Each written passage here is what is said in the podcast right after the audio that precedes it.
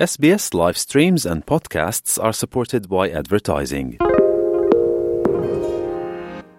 شما با پروگرام دری رادیوی SBS هستید.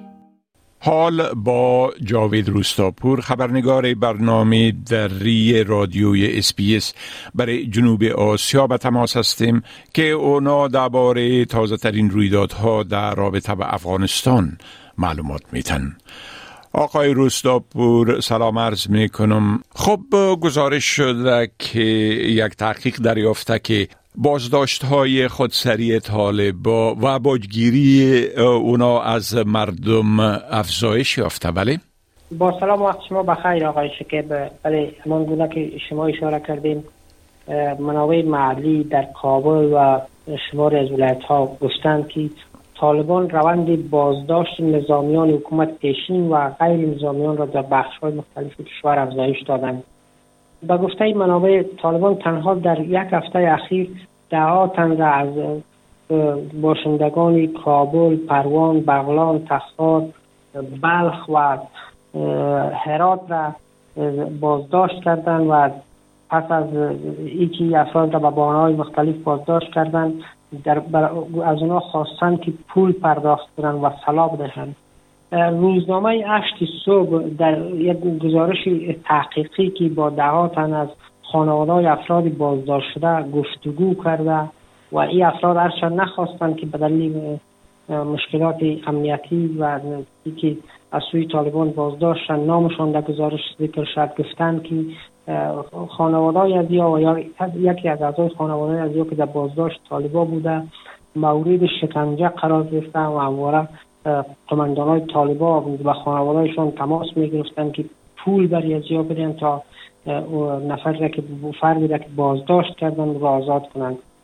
یافته های هشت صبح نشان می‌دهد که در جریان یک ماه گذشته 45 نفر در تخار 26 نفر در بدخشان و بیش از 30 نفر در بغلان و 47 نفر در کابل از سوی طالبا بازداشت شده و هزار فرد از 50 تا 300 هزار افغانی طالبا از افراد بازداشت شده از خانوادهشان پول گرفتن و دوباره اینا را رها کردند. این گزارش طویل است و پرداخته به اینکه چی کسانی و در میان افراد بازداشت شده چی تعدادشان نظامی بودن حتی دهقان و در میان کسانی که بازداشت شدن حضور داشته و به بانه از اینکه اینا با جبهات مخالف طالبان همکاری می‌کنن و طالبان ها را زندانی کردن در گذشته هم گزارش ها و شکایت ها وجود داشت که طالبان قماندان های طالبان عمدتا در ولایات مردم را به بانه مختلف بازداشت می‌کنن و در بدل پول باز اینا را از زندان ها رها می‌کنن بله خب گفتم این که نوشتن شعارهای ضد محدودیت های طالبا بر تحصیل دخترا در دیوارهای پوهنتون بلخ دوباره شروع شده بله؟ بله شماری از محصلین در پوهنتون بلخ با دیوارنگاری به ممنوعیت تحصیل دختران از سوی طالبان اعتراض کردند این محصلین گفتند که آنان در این اعتراض که از در دیوارا شعار نوشتن با شعارهایی که یا همه یا هیچ کس بر دیوارای بلخ و برخی دیوارایی که عمدتا ساختمان های دولتی بوده اینا پرداختن و شعارهایشان ادامه داره. این محصلین گفتن که معروم کردن دختران از تحصیل برای آینده کشور یک فاجعه است و اینا به اعتراضاتشان ادامه میدین و در تماس هستن با مسئولین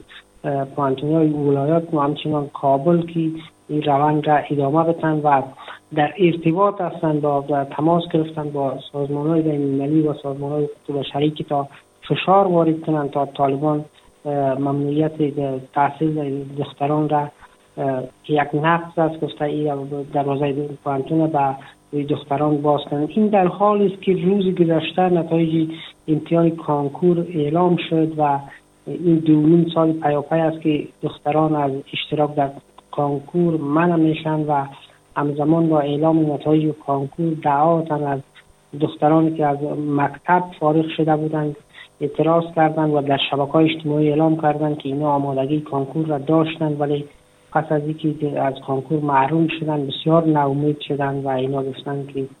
امیدوارن که طالبان این ممنوعیت را باز کنن و دختران را اجازه تحصیل و تعلیم برایشان بدهند بله خب گفته میشه که طالبا در تخار زمین های مردم تخریب می‌کنن و این کار به خاطر استخراج اطلاع می‌کنن که ای باعث اعتراض مردم و عکس العمل خشونت آمیز طالبا شده. بله. منابع محلی در تخار گفتند که یک کماندان وزارت دفاع طالبان در جستجوی اطلاع زمین های زراعتی باشندگان ولسوالی دشت قلعه تخار را تخریب کرده و پس از اینکه مردم به ممانیت کردن شماری از باشندگان ولسوالی را لط کوب کرده و حتی چندین تن را بازداشت کردن به گفته این منابع که قماندان طالبان با استخدام یا در همکاری چندین انجینر چینایی یا چینی روز دوشنبه با اسکواتور و کندنکاری و تخریب زمین های زراعتی که باشندگان منطقه پلیکوبچه ولسوالی دشت قلعه تخار بوده آغاز کرده ولی مردم عمدتا آمدن و مانع این کار شدن و تا کنون هم به بنیاد گفته های منابع محلی ده تن از افرادی که از این منطقه بودن اینا زندانی کرده و در زندان طالبان و سر می‌برند به اساسی اطلاعات منابع کماندان و کماندان وزارت دفاع است که ملا کمال نام دارد و مسئولیت کندک این وزارت در منطقه پلی کوچه ولسوالی دشت قلعه تخار به عهده دارد و پیش از این هم چندین قبر و زیارت را این قماندان کنده و نبش کرده که تا طلا و آثار عتیقه پیدا کنه. بله خب بسیار تشکر آقای روستاپور از این معلوماتتان و فعلا شما را به خدا می سپارم و روز خوش برتان آرزو می کنم روز شما هم خوش خدا حافظ ناصرتان. بپسندید شریک سازید و نظر دهید. اسپیس دری را در فیسبوک تعقیب کنید.